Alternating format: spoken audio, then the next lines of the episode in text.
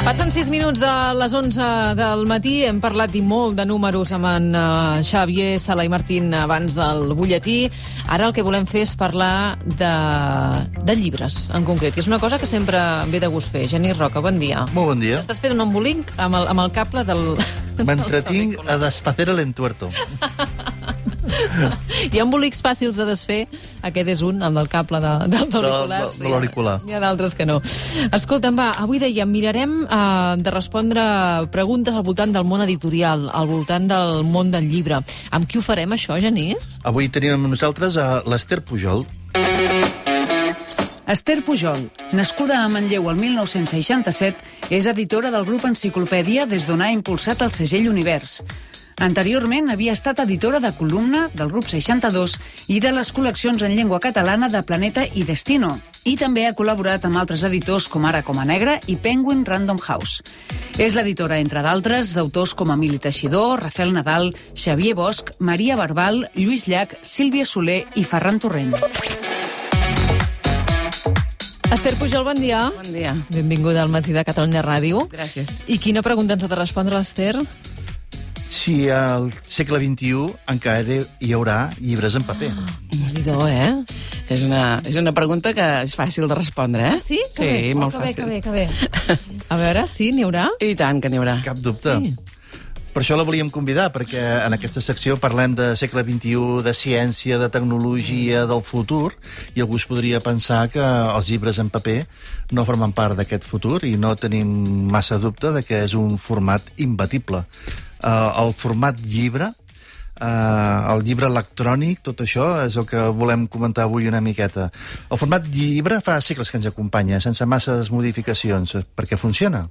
Perquè funciona molt bé. De fet, fa eh, sis segles que ens acompanya, des de la, des de la invenció de la impremta de Gutenberg. I, per tant, eh, no crec que... És tan manejable, n'he portat, eh, perquè sempre, sempre fan companyia.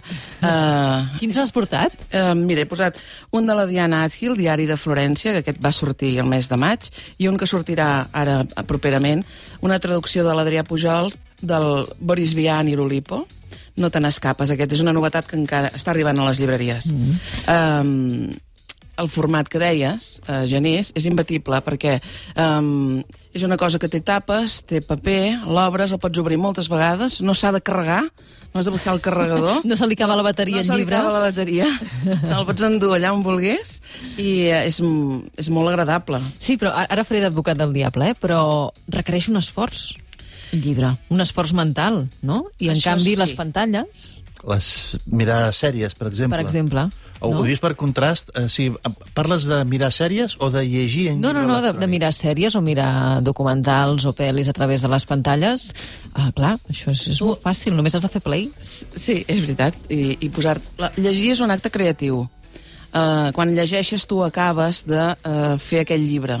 És a dir, Li poses cara al personatge. Li poses cara al personatge, i segons el que tu has viscut, les referències que tens, i jo llegiré aquest diari de Florència i veuré una, unes coses diferents a les que hi veu el Genís o a les que hi veus tu, Laura, uh, perquè això té aquest punt de creatiu.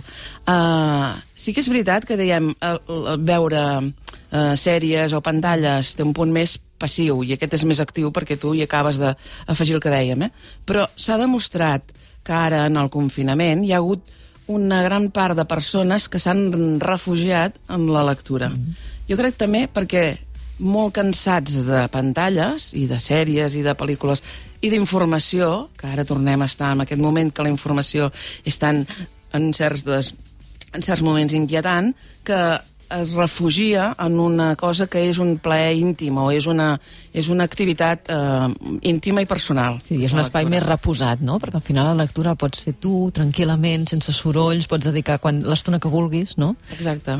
El, el llibre electrònic, que se ne parlava molt de si això acabaria substituint, com ha passat amb la música, per exemple. Abans amb la música teníem els vinils i ara la, la, la música amb dispositius digitals, eh, tot i que el vinil torna, però torna amb uns nivells baixos. En canvi, l'e-book no acaba d'arrencar. Els percentatges de penetració de l'e-book són de 10, 12, 14, 15%, i els països on més desplegament té frega els 20, 25, però no... El paper encara, encara dura. què en penses? Vull dir, l'e-book està quedant um, restringit a un tipus d'usos? Per exemple, la gent que viatja molt, uh, realment, carretejar 4 o 5 llibres per mitja Europa o portar un e-book és més pràctic, però la, però l'hora de la veritat, la majoria estem a casa i estem al sofà de casa confortablement. Sí. Hi ha un tipus d'usos o quina explicació li dones? A... Jo crec que sí. Hi ha persones que l'utilitzen i en són, en són eh, no volia dir fanàtics, sinó que en són grans usuaris i que li troben moltes virtuts. I jo mateixa en vaig tenir un al principi, perquè vaig pensar que per la meva feina, que havia de llegir molts originals i que havia de llegir llibres de fora, etc que m'aniria bé, però no m'acostumo, no m'agraden tant els llibres, no els trobo tan bons. Uh, a mi, és veritat, um, llegir en pantalla a mi em costa més. Sé que té virtuts, eh, com que pots fer la lletra més gran, que a vegades això en algun moment et pot anar bé, perquè te'n pots endur molts llibres i decidir, en un, quan viatjàvem, diguem, en un avió, quin llibre llegiràs i no has de decidir-ho el dia abans segur, que després et deixes a casa aquell que quan arribes a destí volies, eh, volies tenir, però eh, s'està demostrant, hi ha estudis que diuen que la gent jove, que és la més tecnològica, prefereix per llegir el llibre en paper. O sigui que mm, tornem a la cosa del format, eh? que el format és eh, molt útil i mm, també diuen els que en saben que la lectura en paper és, la, és, la retens més quan llegeixes, llegeixes una cosa en paper que quan la llegeixes en pantalla. Potser perquè a la pantalla estem acostumats a saltar tan ràpidament d'una notícia a una altra en les xarxes i la lectura i, i eh, relacionem una mica el format amb el que llegim. Sí, almenys parlo per mi, eh? Uh, la lectura en pantalla és més zapping, mm. faig lectures en diagonal, salto d'un tema a un altre, estic resseguint un tema, l'estic investigant i vaig... Perquè, de fet, estàs treballant en finestres. Sí, I sí. això ja et permet... T'obre links, no? Clar. salto i, i em funciona bé, eh? Vull dir, em, em va bé quan estic això, resseguint un tema, però quan vull parar, aturar-me i capbussar-me en un tema, jo prefereixo el paper. Vull dir que poder hi ha aquest tipus d'atenció diferent, no? I, i en, en aquesta funció de, del llibre de paper, d'atrapar-nos més, eh, quin, quin paper hi juga eh, el disseny? Eh? Perquè ara els editors esteu fent un esforç molt gran per fer atractius els llibres, no? La, la presentació del llibre que sigui, que sigui maca, no? Això també hi juga a favor? Jo, jo no estic totalment convençuda. De fet, trobo que és molt diferent llegir un llibre en què... Eh, el, de fet, el disseny no s'ha no de trobar, no s'ha de veure. La composició de les, els fotocomponedors i el, els dissenyadors, els tipògrafs, etc et diuen que no s'ha de veure. Tu el que t'ha de fer és ajudar-te a llegir-ho, a la legibilitat. Quan comences a, a ser conscient del disseny que hi ha dintre d'una caixa d'un llibre, malament, és que, és que té massa pes, perquè el que ha de, ha de ser, ha d'estar al servei del text, no? Uh, però és evident que quan llegeixes un, un llibre, doncs si el paper és agradable i no és porós, que el, jo tinc molta mania amb això, el, el paper porós se t'emporta, diguem, deshidrata les mans, les mans et queden seques, és veritat, tot el dia vaig amb la crema de mans. Uh, Entre el gel hidroalco- hidroalcohòlic i el paper juro. porós. Hem de posar crema hidratant per llegir i gel per... eh, um, per les mesures sanitàries, no? per el format, a les, a la tapa, etc. Tot això, pensar si és massa gran, si és massa petit, en quin moment serà llegit, doncs tot això són decisions que fan que, que sigui més agradable la lectura. El que sí ha afectat clarament el, el món digital ha estat en el canal de venda. Un, sí. Vull dir, poder el llibre encara ens agrada més en paper, però el comprem per internet. Uh, les fenòmens com el monstre que ja és Amazon, sí. etc. al final és un... I més amb la pandèmia, eh? Estàs a casa, cop de clic i que m'ho portin. Mm. Uh, quin... Uh, això està modificant molt el canal de la distribució i les llibreries eh, cada cop n'hi ha menys. Eh, comença a haver-hi barris que, que tens quilòmetres abans no trobes una llibreria Sí. eh, i fins i tot estaria associat a, a nivell socioeconòmic i on més falta ens faria eh, estar fent acció cultural és on poder menys equipaments tenim d'aquest tipus. Sí, i les llibreries són, i els llibreters eh, són agents culturals en els barris, en els pobles, en les ciutats mitjanes. Quan desapareixen, aqu aquells barris o aquelles ciutats s'empobreixen i, i amb ells doncs, tota l'activitat cultural i les persones que hi viuen. Per tant, per això és molt important. L'altre dia l'Ingrid Guardiola feia un article que estava molt bé de l'activitat cultural a les províncies i deia que, que a través de, de no poder fer grans esdeveniments a les, als capitals hem, diguem, descentralitzat les activitats culturals. I, I vaig fer la relació amb les llibreries i el paper que tenen les llibreries de, de llocs més petits, que no són Barcelona, òbviament, i la seva àrea, com a, com a llocs d'activitat cultural. Amazon és veritat que és eh, una plataforma que amb un clic eh, ho, ho tens molt fàcil. Però Amazon és un gran aparador on els nostres llibres, on els llibres en general i els llibres en català estan amagats. Mm. Llavors això és un, és un problema Amazon perjudica. Per, per, perjudica. Això t'anava a dir, perjudica el llibre en català.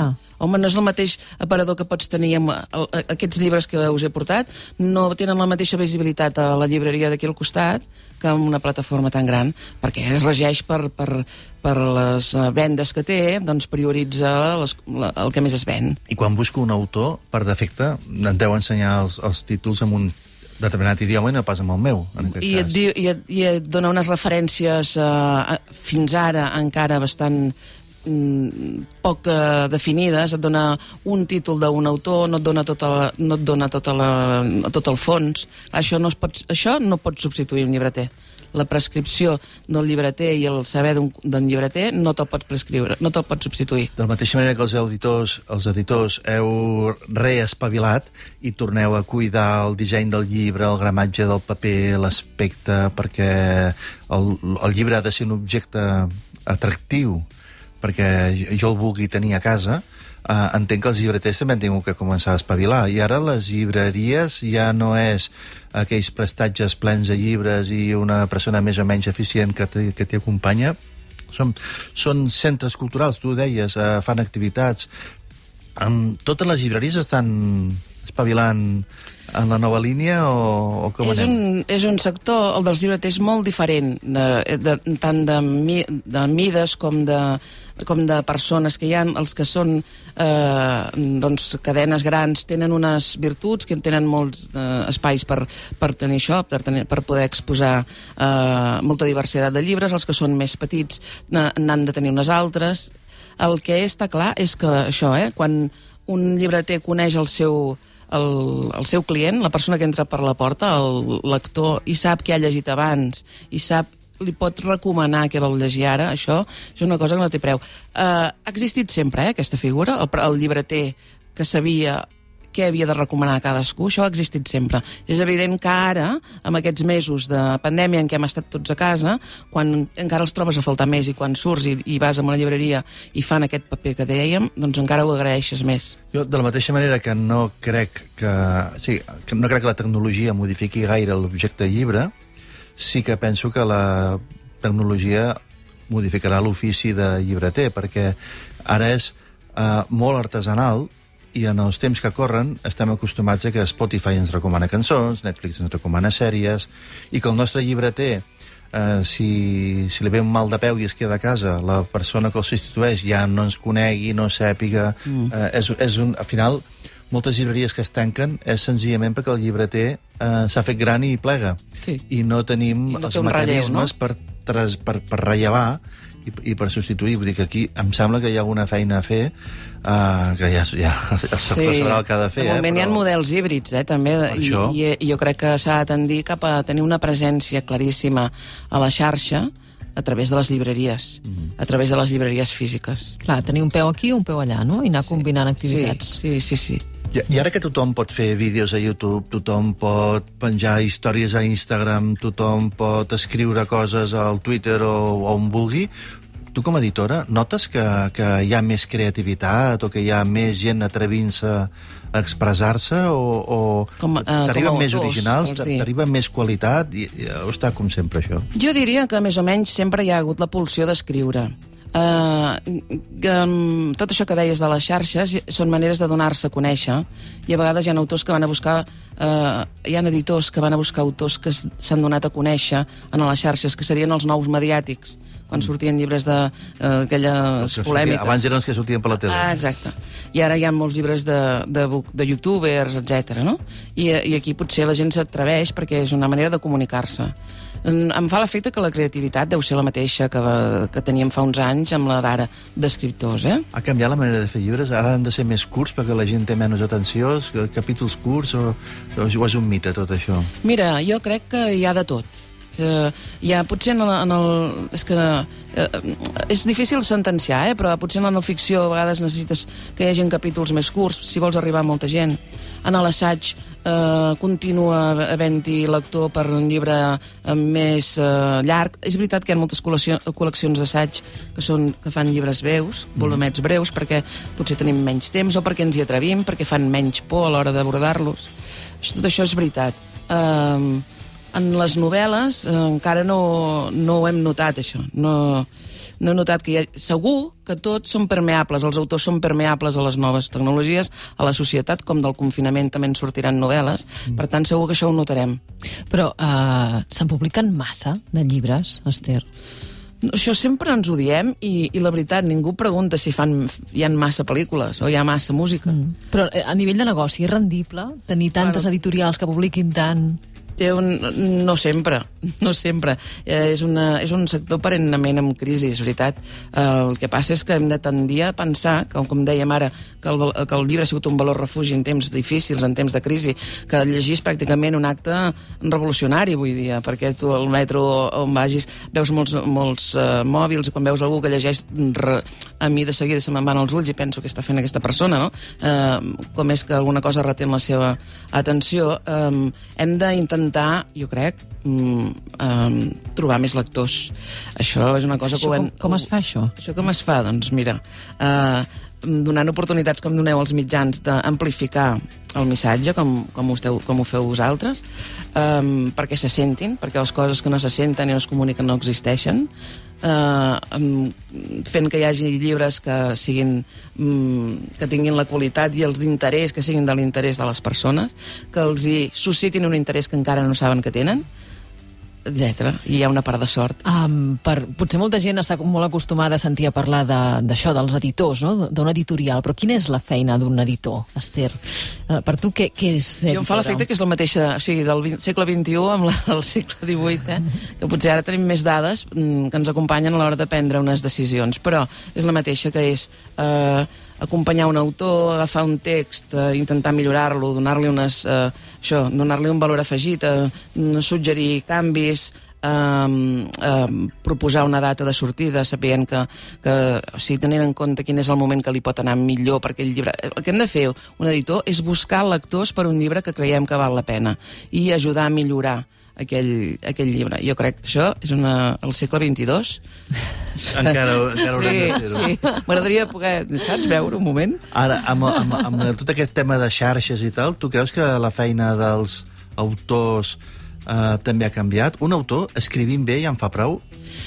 Mira, eh, és bona aquesta, perquè ara fa... L'altre dia veia que fa 10 anys d'Instagram.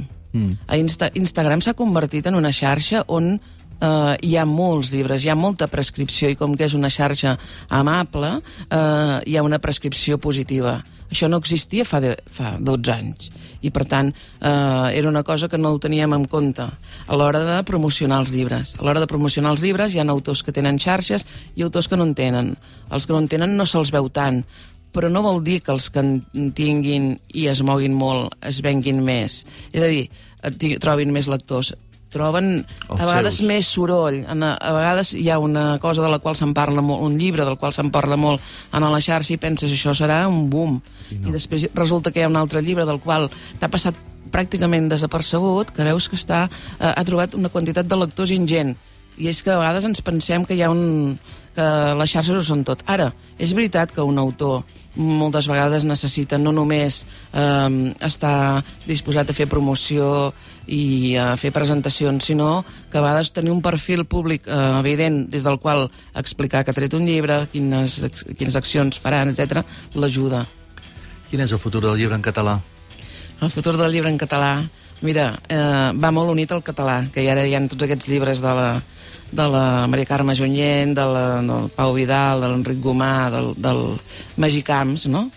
Eh, mentre el, el català tingui mitjans de comunicació i tingui persones que, la, que el parlin, eh, el futur del, del sector editorial en català està garantit, però mentre quan perd eh, catalanoparlants, quan perd parlants, eh, perd massa crítiques, clar. Doncs uh, per molts anys i que no en perdi ni un de, de parlants ni de, ni de lectors al, al català ni el llibre en català. Moltes gràcies, Esther. Gràcies a tu. Fins la propera, Genís. Una abraçada. Moltes gràcies. A Fins a la propera. Mira, falten 4 minuts per dos quarts de 12 del migdia. Ara parlarem... No, no us desconnecteu, eh? Ara ve en Jordi Creus, amb la seva eh, visió particular de la història, i a més fa un, un, planteja un joc amb l'audiència perquè ens demana sempre eh, que sapiguem si tot el que explica és veritat o és mentida. I després vindrà el Quico Sallés, que ahir se les va tenir amb els manifestants de, del 12 d'octubre, amb una part dels manifestants. Abans de marxar, diguem un número. Uh, va, Esther, tu, que ets la convidada. De l'u al què? De l'1 al 2164. 1967. 1967.